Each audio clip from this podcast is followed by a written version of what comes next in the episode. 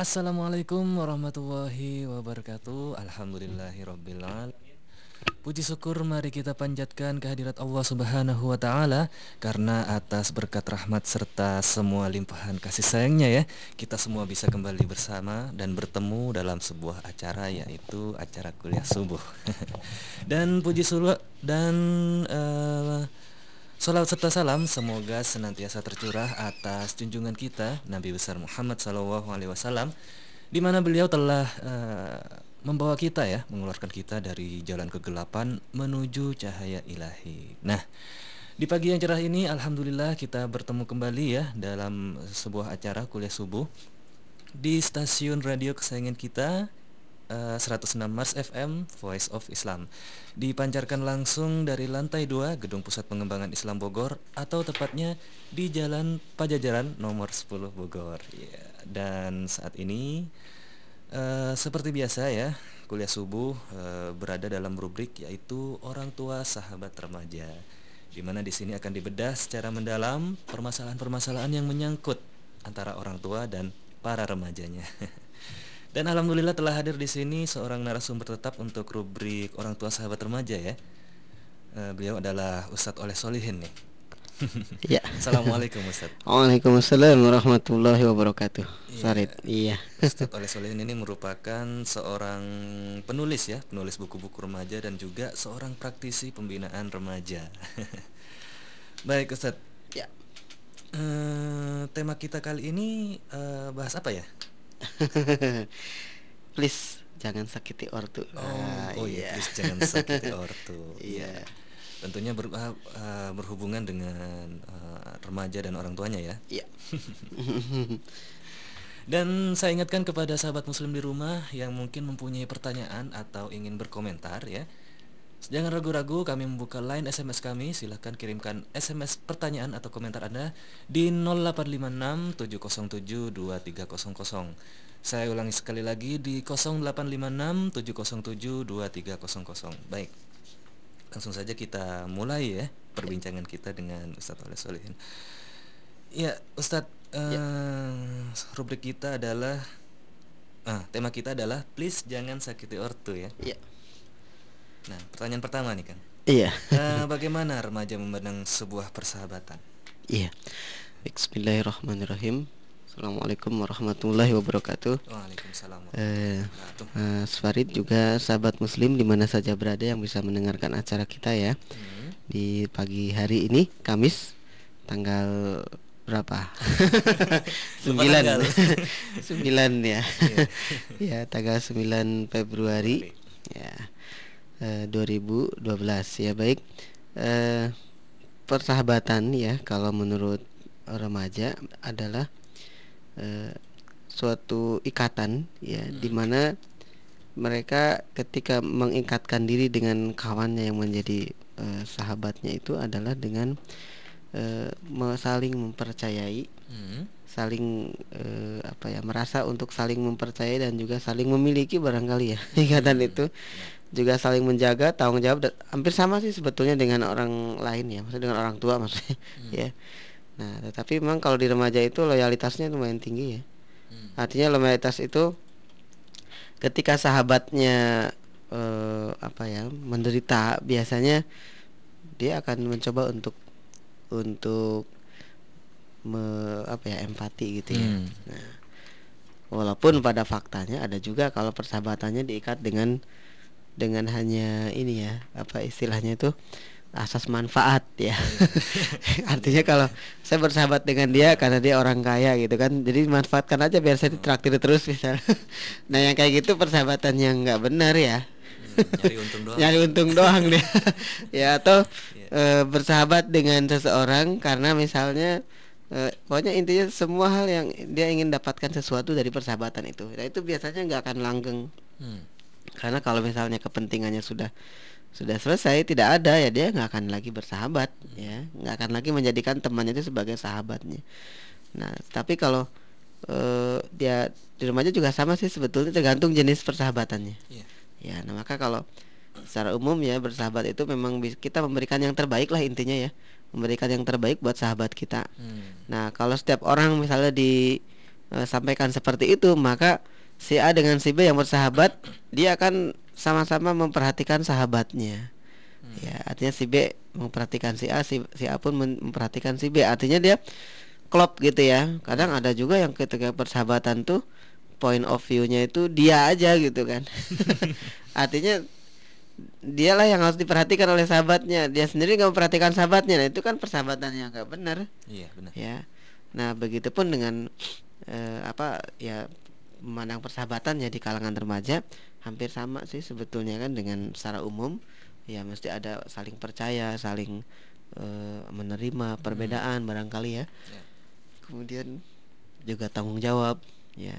Ada lagi hal yang lain misalnya dia akan berani berkorban ya hmm. nah, atau mungkin berani untuk sama sama-sama menderita bisa jadi kan gitu ya ya. ya itu masih perlu diuji Sip, lagi hmm, hmm.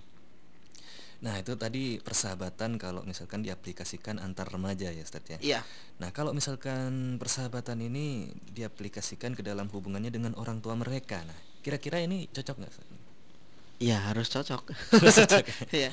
ya artinya memang ada kondisi di mana remaja itu eh, mungkin awalnya kalau dengan teman itu kan bersahabat dengan teman itu hmm. lebih mudah. Kenapa? Hmm. Karena tidak ada halangan dari segi faktor usia. Benar. Tapi ketika dia ada halangan dalam dari segi faktor usia, misalnya kan anak SMA nggak mungkin ya atau belum pernah kita lihat atau saya sendiri mungkin belum tahu ada bersahabat dengan anak TK misalnya kan enggak gitu kan ya yeah. karena dari sisi visinya dia terus e, memandang jauh ke depan itu dalam sebuah persahabatan itu nggak terjadi gitu dengan yang hmm. e, berbeda atau berbeda cara pandang atau berbeda e, ini juga apa level ya hmm. nah umumnya ya kalau anak SMA ya dengan anak SMA lagi hmm. paling banter itu yang menjadi sahabat misalnya dengan ada di atasnya sedikit di atasnya atau di bawah sedikit gitu kan ya hmm. Misalnya dari SMA ke SMP atau ke anak kuliahan. Nah itu kan biasanya. Tapi yang umumnya terjadi adalah dengan sebaya peer group itu ya. Jadi dengan kelompok teman sebaya. Dan itu mereka ada yang menganggapnya hanya sebatas teman saja, ada yang kemudian menjadikannya sahabat. Karena berbeda antara teman dengan sahabat. Hmm, gitu ya. ya kalau teman itu ya sebatas pertemanan saja di sekolah, kamu temannya siapa aja, misalnya kan ditanya gitu. sama orang tuanya si fulan fulan fulan fulan. Misalnya fulan satu fulan dua fulan tiga dan fulana satu dua tiga misalnya. Oh banyak amat. Ya memang di sekolah banyak. Minimal satu kelas kan teman kita gitu. Hmm. nah apakah ada di antara teman itu menjadi sahabat? Ada. Bisa jadi sahabat hanya satu orang atau dua orang gitu kan ya. Hmm. umumnya sih ya bersahabat itu ya umumnya ya umumnya orang gitu. Kalau kalau akrab banget tuh satu orang biasanya. Satu orang. Ya satu orang tuh akrab banget gitu ya. Sahabat ya, itu ya. uh, bisa dengan dengan bisa gitu kan bisa hmm. dua tiga gitu. Cuman kan biasanya uh, akrab banget tuh mesti ada gitu. Karena kan tiap orang beda-beda cara meresponnya ya. Iya, maksudnya cara uh, misalnya si A misalnya saya bersahabat dengan si A misalnya kan gitu ya. Hmm. nah di situ saya uh, enak gitu kan ya. Maksudnya bisa diajak ngobrol bisa diajak diskusi untuk hal-hal tertentu. Tapi saya juga bersahabat dengan si B karena untuk mem untuk membahas hal-hal yang lain dengan si A nggak nyambung tapi dengan si B nyambung. Nah misalnya gitu ya. Saya juga bisa gitu. Nah, artinya kita bisa jadi banyak sahabatnya. Bahkan kalau Rasulullah Shallallahu Alaihi Wasallam itu sahabatnya bisa ratusan bahkan ribuan ya. Hmm.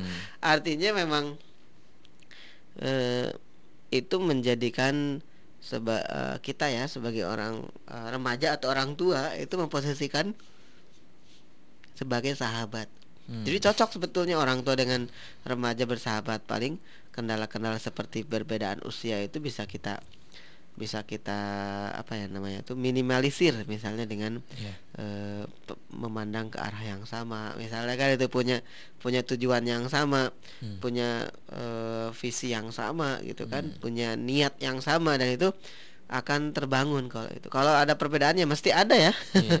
tapi kan perbedaan itu bisa kita minimalisir bukan hanya perbedaan usia tapi mungkin juga cara menyelesaikan masalah. Hmm, berbeda ya berbeda bisa jadi karena remaja cenderung menyelesaikan masalah ya.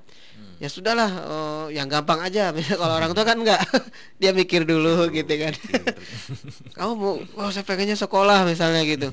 Ke sini ya betul kalau mis tapi kalau orang tua mikirnya macam-macam dia Hmm. ya misalnya di anak pertama ya anak kedua juga dipikirin. Hmm. anak ketiga dipikirin juga gitu belum biayanya dan sebagainya kan gitu ya. Jadi yang dipikirkan tuh dia banyak kalau orang tua mas. Sehingga cara memutuskannya juga dia akan lebih lambat bukan lebih lambat ya maksudnya akan lebih hati-hati Hmm. ya kalau soal lambat atau cepat itu tergantung ini juga ya tergantung kebutuhan tapi kalau hati-hati iya gitu tapi kalau remaja cenderung ya bukan berarti remaja tidak hati-hati cenderung tidak eh, hati-hati atau cenderung tidak pengen cepet Hmm. ya pengen kelihatan hasilnya gitu kan ya nah jadi cara menyelesaikan masalah juga pasti berbeda nah tapi kita bisa minimalisir ya Hmm. nah itu eh, insya Allah masih cocok ya Masih cocok ya. orang tua bersahabat dengan remajanya Lalu apa yang harus dipahami nih oleh remaja tentang orang tua mereka? Nah, di Hmm. sini ya. Jadi kalau kalau eh, di beberapa rubrik sebelumnya kan kita remaja memahami karakter anak ya. Hmm. nah, sekarang di rubrik seorang tua sahabat remaja sekali ini kita meminta gitu kan atau mengajak teman-teman remaja untuk eh, mengerti atau memahami Hmm. ya eh, tentang orang tua mereka ya. Hmm. Contoh misalnya orang tua itu kan juga eh, manusia ya sama seperti sahabat dia seperti seperti temennya gitu seperti sahabatnya di kalangan remaja nah maka tentu ada perasaan-perasaan yang hampir sama seperti kasih sayang perasaan untuk dicintai perasaan untuk diperhatikan keinginan untuk dihormati ya keinginan untuk dihargai. Hmm. itu mesti sama gitu kan ya. Walaupun ya men- bukan mentang-mentang ah udah tua mah nggak usah di ini kan dia udah pengalaman. Oh beda tetap ya namanya. Bukan berarti udah tua dia nggak butuh kasih sayang tetap butuh ya. Ya artinya karena dia masih manusia. Karena pokoknya setiap orang yang merasa masih manusia itu butuh kasih sayang butuh perhatian Hmm. ya. Makanya kalau di mana misalnya di itu tuh eh, di barat ya Hmm. kan ini katanya beberapa waktu lagi ini kita ada Valentine's Day ya Oh, iya. nah itu kan hari Februari. tanggal 14 Februari itu ya nah tapi ternyata eh, harusnya kalau emang kasih sayang gitu kan orang tuanya kan juga diperhatikan Iya. ternyata kalau di barat itu orang tua itu ditaruhnya di panti jompo Iya, kasihan juga gitu kan ya anaknya sementara nggak mau ngurus Hmm. Makanya kemudian cara pandang ya di kalangan orang-orang barat juga terhadap keluarga itu mereka nggak terlalu peduli apalagi terhadap anak itu kenapa nanti kalau saya punya anak ya anak saya urus dari kecil Hmm. sampai besar ternyata ketika dia sudah mapan segala macam saya beranjak tua Hmm. ya saya malah ditaruh di panti jompo gitu kan nah jadi memang itu nggak benar juga gitu kan cara pandangnya orang-orang barat ya yang tidak mengenal Islam Hmm. tapi kalau orang baratnya kaum muslimin ya enggak ya nah tapi cara pandang eh, mereka itu eh, apa istilahnya hmm, Pengen cepet. ya eh, apa ya namanya itu materialistis, juga gitu Materialistis. ya Hmm. materialistis kemudian eh, asas manfaat ya ya hubungannya dengan itu memang ya Hmm, benar. nah jadi yang dipikirkan itu ya dirinya sendiri gitu Hmm. Ya. makanya kalau kan jarang juga di di barat itu orang berpikiran punya keluarga untuk apa sih gitu. Toh juga saya ketika punya anak kemudian anak saya urus ya. Eh malah saya ketika tua ditaruh di panti jompo. Hanya mereka kunjungi sebulan sekali. Oh. atau paling cepat seminggu sekali gitu. Untuk apa saya misalnya kan gitu. Sehingga mereka terhadap keluarga itu nggak mau. Nah kalau di Islam ya diajarkan bagaimana cara menghormati orang tua. Hmm. ya. Bahkan untuk orang tua yang sudah lanjut usianya Iya. di Al-Qur'an juga diajarkan kita untuk apa menghormati gitu kan. Bahkan sampai ada kat, apa ada eh, ayat yang wala taqullahumma uffin ya. Hmm. janganlah kalian mengatakan uff ya kepada keduanya. Artinya kepada keduanya itu kita tidak boleh mengatakan apa tadi eh ini ya apa istilahnya? Kata-kata eh, yang- kata-kata yang, menyakiti, menyakiti. hatinya Hmm. ya. Eh, atau kalau bahasa kita mungkin ah gimana sih babe wah misalnya ngomongnya juga babe lagi ini ya kadang Betawi. kalau Betawi gitu ya jadi saya pernah memperhatikan sebuah film atau malah pernah ada ada apa namanya eh, temen yang begitu ya ketika saya pernah kerja di Jakarta itu jadi memang mungkin akrab ya dengan orang tuanya gitu tapi eh, seolah-olah bagi saya pribadi gitu ya, yang di Hmm. daerah Jawa Barat gitu ya di Sunda itu kan gimana gitu kalau ngomong ke orang tua sampai lu gitu kan ya. Hmm. gimana sih lu beh? Gitu kan. Kesannya kayak ke temen gitu kan. Jadi Ngelunjak. dia- oh, ngelunjak yang seperti itu. Makanya kalau ya kalau mungkin mungkin ya di dalam sebuah budaya yang seperti itu bisa jadi mereka menganggap biasa kali ya. Orang tuanya juga mungkin biasa. Tetapi kan kurang baik gitu ya. Nggak asana. Jadi mungkin perlu juga di walaupun itu karena budaya itu kan memang kesepakatan manusia kadang ya kalau yang berkaitan dengan kehidupan manusianya. Nah tapi kan ada yang jelek ada yang baik. Nah kalau itu yang jelek walaupun mungkin sudah tidak merasa jelek ya karena terbiasa ya tapi coba diubah gitu kan ya diubah untuk menjadi lebih baik lagi. Nah jadi kalau kalau tadi misalnya yang berkaitan dengan orang tua ya eh, sahabat ya insya Allah bisa. Ya orang tua sebagai sahabat remaja atau remaja sebagai sahabat orang tua ya Hmm. nah itu insya Allah masih cocok itu Mas Farid ya Iya. Iya, sahabat muslim di rumah ya, jangan ke mana-mana karena setelah ini kita akan kembali melanjutkan perbincangan kita tentang tema kita kali ini. Please jangan sakiti ortu. Ya, jangan ke mana-mana karena eh, setelah lagu dari Maher Zain ini kita akan kembali lagi ya. Tetap setia di 106 Mars FM, Voice of Islam.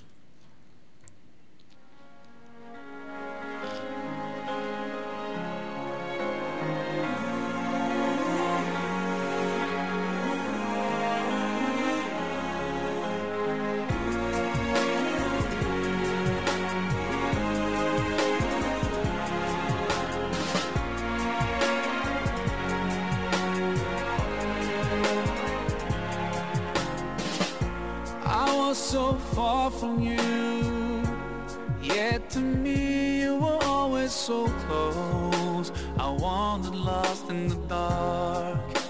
I closed my eyes to all the signs you put in my way. I walked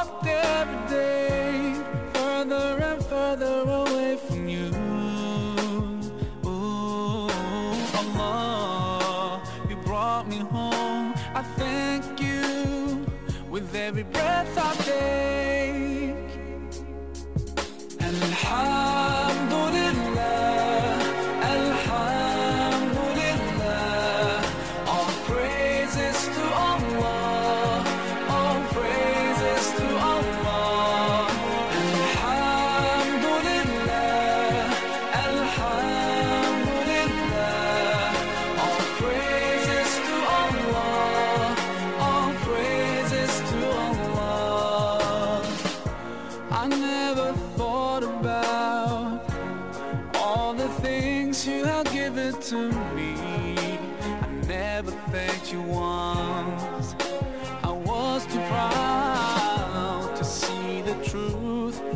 Prostrate to you until I took the first step.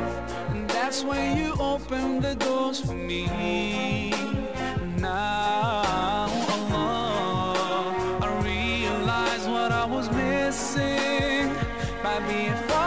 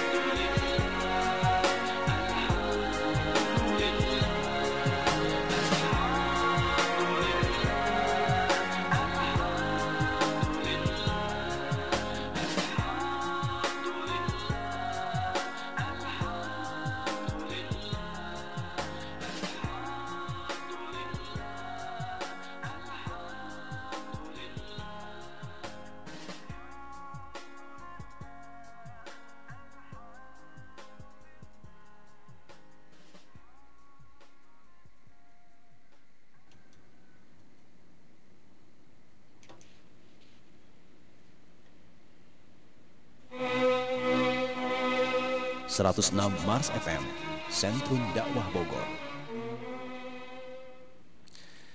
Masih bersama saya Farid Abdurrahman dan juga Ustadz Oleh Solihin ya dalam acara kita kali ini orang tua sahabat remaja dengan rubrik tema dengan tema kita please jangan sakiti ortu. Ya, kami masih membuka kesempatan buat Anda ya yang mungkin ingin bertanya atau mungkin ingin berkomentar silahkan kirimkan semua itu ya di SMS di line SMS kita di 0856 707 2300. Baik, kita lanjutkan saja ya perbincangan kita bersama Ustadz Oleh Solihin ya. Ya, Eh, Ustadz, ya. menghormati orang tua itu seperti apa sih praktik sebenarnya Ustadz? Dan apakah hanya dengan bermanis muka dan mengikuti perintahnya saja? Atau ada hal lain? ini? Iya. Silakan. Ya, ini menghormati orang tua ya dalam praktek yang benarnya seperti apa. Kalau memang kalau eh, bermanis muka saja di hadapan orang tua gitu ya. Mukanya Ke- manis. eh, eh, atau mengikuti perintahnya saja apakah itu sudah cukup? Hmm. Ya, tentu itu adalah bagian saja gitu ya. Oh, masih. Eh, masih ada bagiannya. Artinya memang kalau bermanis muka ya bukan hanya kepada orang tua sebetulnya pada orang lain juga emang kita diajarkan ya kaum muslimin antar sesama muslim ya itu eh, kan jangan remehkan kebaikan ya istilah Mm-mm. walaupun hanya dengan memberikan senyum ya kepada saudara kita gitu. Artinya eh itu kebaikan juga ya. Tentu bermanis muka yang niatnya bukan menjilat ya. Menjilat. artinya bukan coba eh, nipu ya. Kayak Nipu. kemarin minggu kemarin kita bahas tentang bunglon ya. Oh, nah iya. jadi jangan sampai di depan orang tuanya baik gitu. Ternyata pas di belakangnya kan enggak gitu kan. Artinya apa? Artinya memang dalam hal ini ya eh, menjadi seorang apa ya seorang remaja anak itu menghormati orang tuanya itu memang salah satunya ya tadi ya beberapa hal saja tadi berbaris muka iya mengikuti perintahnya iya. Tapi apa ada lebih dari itu? Ada yakni eh, menunjukkan kasih sayang dalam bentuk lain perhatian misalnya kan itu Hmm. kita eh, menanyakan kabarnya ya. Kabar. kemudian nah, dari mulai hari yang seperti itu ya menanyakan kabarnya. Kemudian eh, mungkin juga kita eh, ini ya seperti mengajak orang tua untuk kalau kita udah mampu barangkali ya Hmm. eh, misalnya mengajak orang tua untuk eh, hebat lagi ya pergi haji misalnya subhanallah ya insya Allah itu ya Insya Allah, kemudian juga misalnya eh, hal lain ya seperti kita tunjukkan bahwa kita eh, menjadi anak yang soleh misalnya anak yang solihah Hmm. ya eh, agar orang tua ya karena dia memang target keluarga muslim itu mengantarkan pendidikan anaknya itu ke surga ya artinya mendidik anak itu adalah untuk tujuan akhir di surga apa itu berarti cara mendidiknya harus benar Hmm. ya mungkin dengan memasukkan ke lembaga pendidikan yang benar Hmm. ya juga yang eh, ilmu agamanya lebih banyak gitu ya Hmm. walaupun ilmu akhirat eh maksudnya ilmu akhirat lebih banyak Lebih ya banyak. nah ilmu dunia nanti kalaupun mau belajar silahkan gitu ya. tapi intinya eh, kedua hal ya walaupun dalam Islam ya tidak ada dikotomi sebetulnya kan kalaupun ada itu hanya dalam kewajibannya Hmm. ya artinya semua orang boleh belajar Iya. ilmu ilmu agama dan ilmu dunia ya eh, tetapi dia tetap orientasi akhir ya tujuan akhirnya itu dia harus ke akhirat ya ke surga gitu mengantarkan ke surga Benar. nah maka dalam hal ini ya anak-anak itu harus dididik ya oleh para orang tuanya agar menjadi anak yang ya baik ya soleh soliha gitu. Nah maka kalau untuk membahagiakan orang tua tunjukkan bahwa kita bisa menjadi anak yang baik. Hmm. ya minimal bukan jadi beban ya orang tua. Masa datang malam-malam udah teler gitu ya. Ya wah orang tua kan gimana? Sakit juga gitu ya perasaannya sakit hatinya gitu kan. Hmm. ya terus main judi atau apa saja gitu nggak ngikutin orang. Jadi walaupun dia baik di hadapan orang tua memberikan eh, apa ya misalnya kalau sudah ini ngasih uang gitu. Orang tua kan senang juga dikasih uang sama anaknya gitu kan. Dulu Iya. anaknya yang kasih dikasih uang sama orang tua gitu. Sekarang oh, anaknya ngasih uang. Tapi ternyata yang dilakukannya itu adalah apa? Ngerampok copet. Ya gimana? Orang tua Iya. jadi suatu saat akan tahu dia merasa terpukul juga hatinya ya. Hmm. pernah saya mendengarkan eh, seorang ayah gitu ya yang eh, yang apa namanya eh, menyampaikan di sebuah forum gitu ya ya sedih juga sih saya gitu kan. Dia sampaikan bahwa saya eh, tidak ingin gitu ya. Eh, ya kalau anak sih kata dia gitu kan ya. Asal dia sudah soleh gitu kan dia Mm. baik gitu kan walaupun tidak ngasih ke saya sebagai ayahnya ya saya seneng saja seneng gitu. gitu ya. Heeh, seneng. Sudah mampu dibanding ya menjadi beban gitu kan ya. Hmm. nah itu yang saya tahu karena ka- kebetulan anak-anaknya itu tahu gitu ya maksudnya saya kelak kelak kelakuannya maksudnya kelakuan anaknya gitu. jadi saya juga sedih gitu kan oh ya dia jadi sebetulnya itu curahan hati seorang ayah ya ayah. seperti itu Hmm. gitu kan dia sebetulnya orang tua kita gitu kan ya tidak ingin me- bukan tidak ingin ya bukan bukan tujuan utama nanti di, diberikan oleh anaknya itu eh, kebahagiaan dalam bentuk materi. Asal anaknya itu sudah baik saja gitu kan. Ya, itu sudah kebahagiaan bagi orang tua karena kan orientasinya mengantarkan ke surga gitu istilahnya. Anaknya bisa mandiri anaknya bisa menjadi apa ya kalau dia sudah berkeluarga ya menjadi imam bagi eh, anak dan istrinya kan gitu ya. Menjadi penanggung jawab atau mengajak anak dan istrinya juga ke surga dan sebagainya kan begitu. Jadi orang tua itu akan akan senang untuk hal yang apalagi ditambah dengan yang tadi misalnya kan secara materi juga memperhatikan dan sebagainya. Nah itu berbakti pada orang tua ya atau menghormati orang tua bisa dengan cara eh, banyak hal itu. Yang terutama sih memang itu kewajiban ya. Hmm. kewajiban, Kewajiban anak seorang anak. ya kepada kepada orang tuanya gitu. Sebagaimana dalam surat Al Isra ayat 23 ya kalau yang berkaitan dengan eh, apa ya kepada orang tua gitu ya. Hmm. Di sini Allah Subhanahu wa taala berfirman Bismillahirrahmanirrahim wa qada rabbuka alla ta'budu illa iyyahu wa bil walidaini ihsanan ya. Hmm. Dan Tuhanmu telah memerintahkan supaya kamu jangan menyembah selain Dia. Ya. Nah, itu ya. Sudah jelas itu ya. Keimanan ini. Iya. Dan hendaklah nah gitu kan wa bil walidaini ihsanan. Dan hendaklah kamu berbuat baik kepada ibu bapakmu dengan sebaik-baiknya ya Hmm.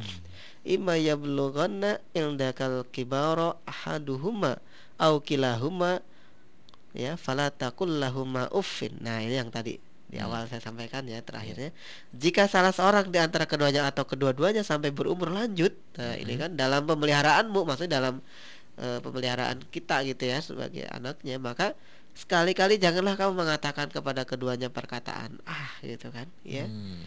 walatan harhuma wa kullahumma qaulan karima ya Iya. dan janganlah kamu membentak mereka dan ucapkanlah kepada per- kepada mereka perkataan yang mulia Hmm. nah jadi di sini perkataan yang mulia ya yang disampaikan misal berbuat baik pada orang tua itu adalah yang harus disampaikan jangan tadi misalnya wah marah-marah gitu kan gara-gara nggak dibeliin motor ada yang ayahnya dibunuh ya Dibunuh, nah. Nauzubillah min dzalik seperti itu ya itu mungkin juga ada andil ya dari barangkali ya mungkin ketika kecilnya anaknya ini Hmm.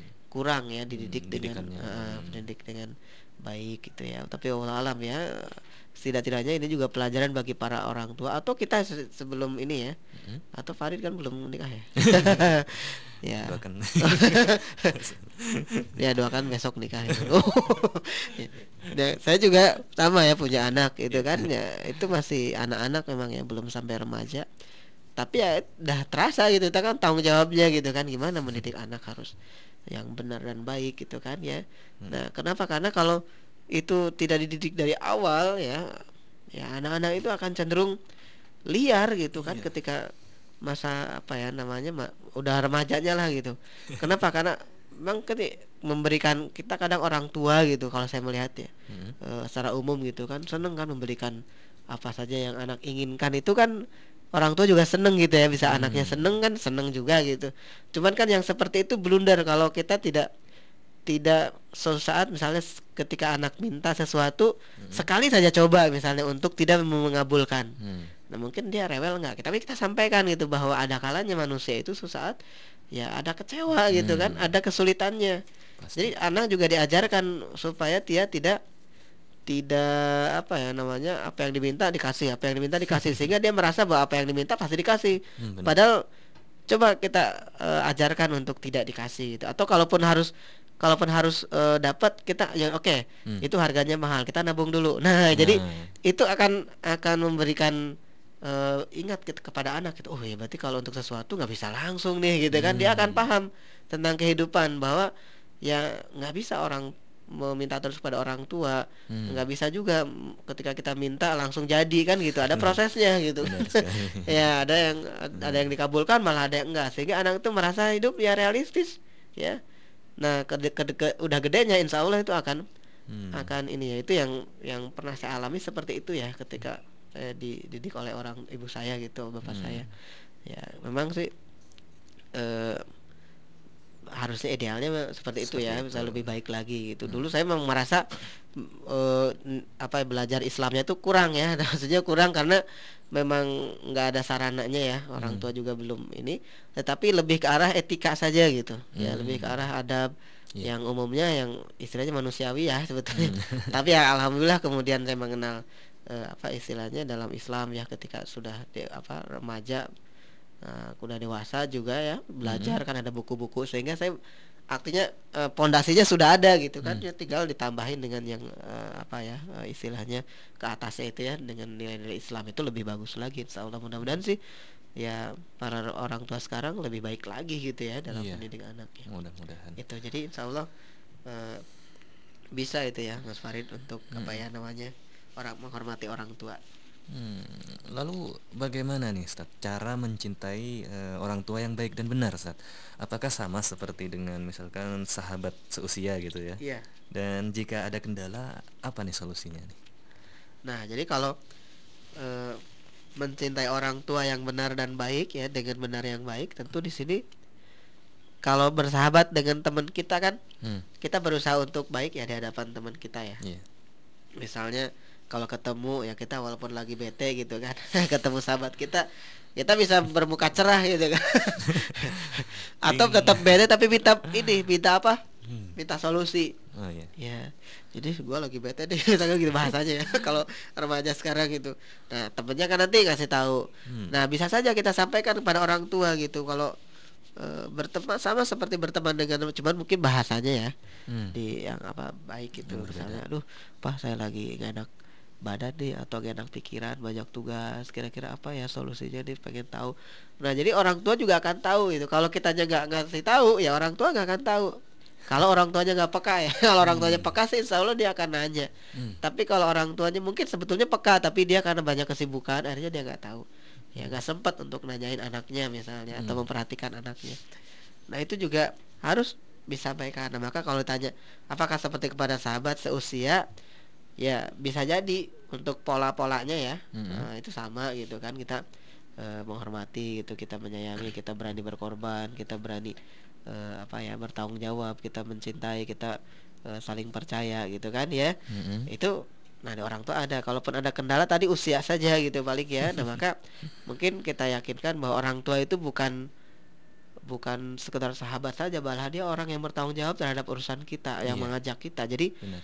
Kalau teman ya atau eh, sahabat ya itu mungkin saja Hmm. dia akan berduka gitu kan ya ketika kita eh, sakit ya ketika kita mendapat musibah ya teman mungkin bi- bisa saja ya teman yang baik pun dia akan hanya sebatas apa misalnya eh ya dah saya berturut berduka cita misalnya gitu Hmm. kan ya tapi orang tua Hmm. itu akan berkorban apa saja agar kita lebih baik lagi nanti Iya, ya benar. coba ada teman misalnya mungkin ada juga teman yang menggalang dana gitu kan gimana nih Mm. buat kesehatan kita misalnya gitu bisa Iya. tapi kan mungkin diupayakan hanya sekian gitu kan sebatas itu orang tua kalaupun kurang dia akan minjem dia akan melakukan apa saja Hmm. ya bahkan ada kisahnya kan orang tua sampai mem- me- saya pernah lihat di YouTube kalau nggak salah ya ada filmnya. Yang sampai dia menjual ginjalnya sendiri gitu Hmm. untuk anaknya. Jadi Untuk sebetulnya dengan orang tua itu kita apa ya orang tua yang baik ya tentu ya. Sini. tapi insya Allah semuanya baik. Kalau dia ngerti Islam yang ngerti tanggung jawab terhadap anaknya. Mm-mm. nah itu sampai sedemikian ya. Jadi kalau dengan sahabat biasa kita ya ya paling sebatas itu. Tapi orang tua akan berkorban apa saja gitu demi anaknya. Hmm. ya.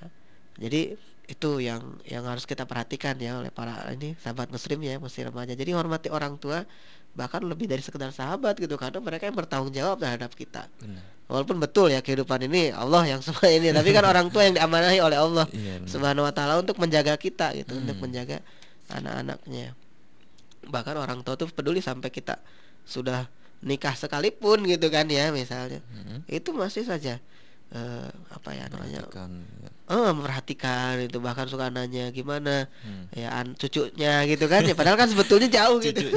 Dia masih nanyain cucu jadi anak kita gitu Oh, kan. nah kita. jadi iya maksudnya nanyain cucunya gitu. Cucunya gimana? gitu kan. Eh, si ini sakit nggak atau gimana? Sehat? Nah itu jadi dia sangat tetap memperhatikan. Karena memperhatikan cucu ya sama dengan memperhatikan anaknya juga gitu kan ya. Iya benar. Subhanallah jadi seorang ibu terutama ya juga ya seorang ayah itu sama-sama ya dalam porsi yang berbeda dalam porsi yang berbeda ya dalam tanggung jawabnya tetap itu memperhatikan eh, anak-anaknya gitu dia akan maka lebih dari sekedar sahabat sebetulnya Hmm. Gitu. Iya Ustadz, ada nggak cara terbaik untuk eh, mendekatkan diri dan berusaha memahami perasaan orang tua kita? Ustadz? ya ada ya misalnya kalau eh, kita dengan orang tua ada kendala ya ada jarak Hmm. ada gap ya Iya. misalnya oh orang tuanya sibuk gitu kan ya Hmm. kita juga pernah kita bahas ya di sesi sebelumnya ya tentang eh, perhatian gitu orang tua terhadap kebutuhan emosi anak. Nah maka kita juga mulai coba misal memperhatikan eh, ayah kita misalnya kan atau memperhatikan ibu kita. Kalau yang tinggal masih tinggal bersama ya. Hmm. Nah, tapi umumnya kalau remaja memang masih tinggal bersama ya kecuali yang mereka kos kali ya. Kos. Dulu saya SMP itu udah lepas SMP sudah kos jadi saya eh, kebersamaan dengan orang tua saya hanya sampai SMP gitu hidup di kampung gitu ya maksudnya. Nah kalau sekarang sih insya Allah banyak yang eh, kalau yang masih tinggal di satu kota gitu ya atau Mm-mm. sekolahnya nggak jauh sih tiap hari insya Allah ketemu kali ya dengan orang tuanya sampai SMA atau sampai kuliah paling nggak sampai SMA lah. SMA. Nah itu kalau kuliah mungkin ada di tempat lain ya. Nah, Oke itu eh, kita misalnya bisa sering kirim SMS kalau kita pada punya handphone ya, ayah Mhm. kita punya atau ibu kita punya dan kita sendiri punya, ya kita SMS-an gitu kan nanyain gimana ya cara pendekatan nih kepada ortu gitu kan untuk Hmm. memahami perasaan kita eh, apa orang tua kita. Ya dengan kirim SMS gimana kabarnya bu? Gimana kabarnya ayah? Misal gitu kan ya. Iya benar. terus eh, ditanya gimana ke, eh, hari ini? gitu kan. Sehingga kita tahu mungkin orang tua akan menyembunyikan perasaan mungkin ya. Hmm. ya tapi kita bisa lihat kesehariannya. Kalau kita sehari-hari kok kelihatannya ayahnya itu sibuk apa pusing gitu kan. Mukanya itu udah di kayak di apa gitu kan. Udah wah pokoknya bebannya berat kelihatannya. Nah, kita mungkin bisa mencairkan. Hmm. kalau ayah kita misalnya sedang sibuk di depan apa ya komputer misalnya kan gitu ya atau mengerjakan sesuatu Hmm. atau apa sajalah yang menyibukkan dirinya mungkin kita bisa mendekati eh, kit- orang tua misalnya eh, dibuatkan minuman gitu Hmm. kan ya. Eh, tapi bukan obat tidur ya. Maksudnya minuman yang ya buat menemani misalnya kopi atau apa gitu kan ya. Terus basa-basi. Ini ayah eh, kopinya. Orang tua sa- saya yakin seneng dia ya. Hmm. akan seneng merasa merasa bahagia gitu diperhatikan oleh anaknya. Nah, atau kirim surat atau apa saja gitu yang bisa mendekatkan dengan orang tua. Iya. saya pikir itu Ya selanjutnya Ustadz dalam Islam sendiri eh, bagaimana ya cara kita memperlakukan orang tua kita nih Ustadz dan hubungan seperti apa yang eh, bisa merekatkan ikatan nih antara keduanya ya? iya Hah.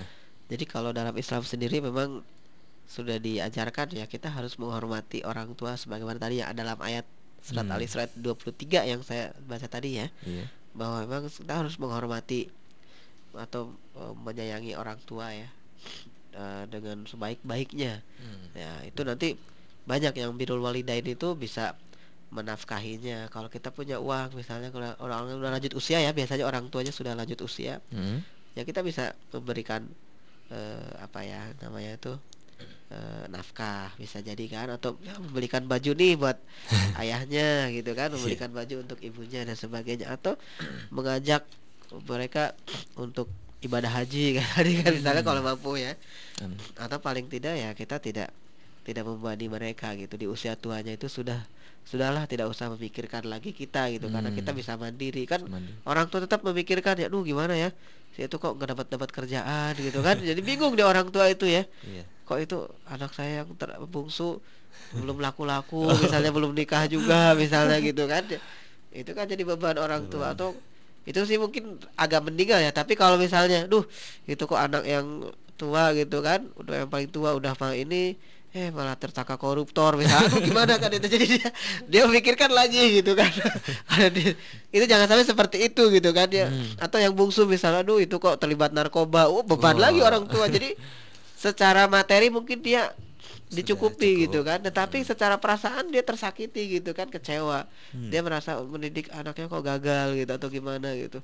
Ya itu jangan sampai seperti itu ya. Maka emang ini pola pendidikan dari awal juga harus diarahkan itu nah jadi kalau dalam Islam ya hubungan itu hubungan yang baik ya harus eh, apa saling mengingatkan. Dengan orang tua juga memang tidak ada ketaatan ya kepada makhluk gitu kan ya kalau untuk yang berbuat maksiat makanya kan walaupun orang dengan orang tua misalnya orang tuanya nyuruh kita berbuat maksiat ya jangan diikuti tapi tetap Hmm. menghormati gitu kan ya Menghormati, benar. sebagaimana yang dilakukan oleh Sa'ad bin Abi Waqqas ya Mm-mm. ketika ibunya itu minta dia masuk lagi ke agama nenek moyangnya ya maksudnya keluar Islam lagi gitu keluar dari Islam Hmm. tapi nggak nggak dituruti oleh Muaz eh Sa'ad ya nah wal- tapi tetap menghormati gitu kan Hmm, ya. menghormati. Artinya eh, untuk yang maksiatnya jangan diikuti tapi kita tetap menghormati. Nah apalagi kalau orang tuanya baik gitu kan ya Hmm. kita harus berbuat lebih baik lagi gitu. Iya. nah itu yang diajarkan dalam Islam. Iya Ustadz, sepertinya waktu kita sudah eh, di ujung waktu ini dan kita harus mengakhiri perjumpaan kita kali ini.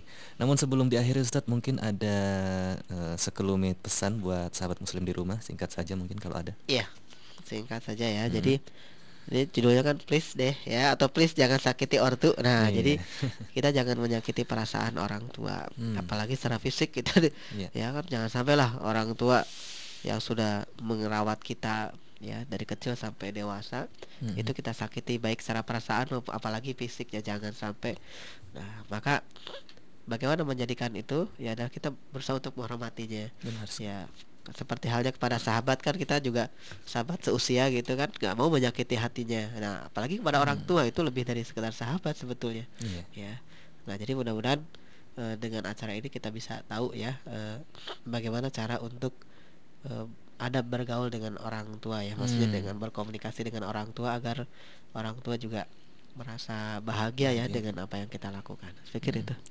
Ya baik sahabat muslim di mana pun anda berada itu tadi ya perjumpaan kita kali ini tentang pembahasan tema kita kali ini please jangan sakiti orang tua. Semoga apa yang kita eh, perbincangkan kali ini bisa memberikan manfaat untuk kita semua. Dan terima kasih Ustadz atas kehadirannya Ustadz ya. Ya sama-sama. Ya, terima kasih. semoga apa yang kita berbincangkan bermanfaat. Amin dan terima kasih juga saya sampaikan kepada sahabat muslim semua yang telah mendengarkan uh, acara kita dari awal hingga akhir. Eh, kita insya Allah kita akan bertemu kembali ya, pekan depan Kamis mendatang ya di waktu dan gelombang yang sama. Dan demikian kurang lebihnya mohon maaf. Wabillahi taufiq wal hidayah. Assalamualaikum warahmatullahi wabarakatuh.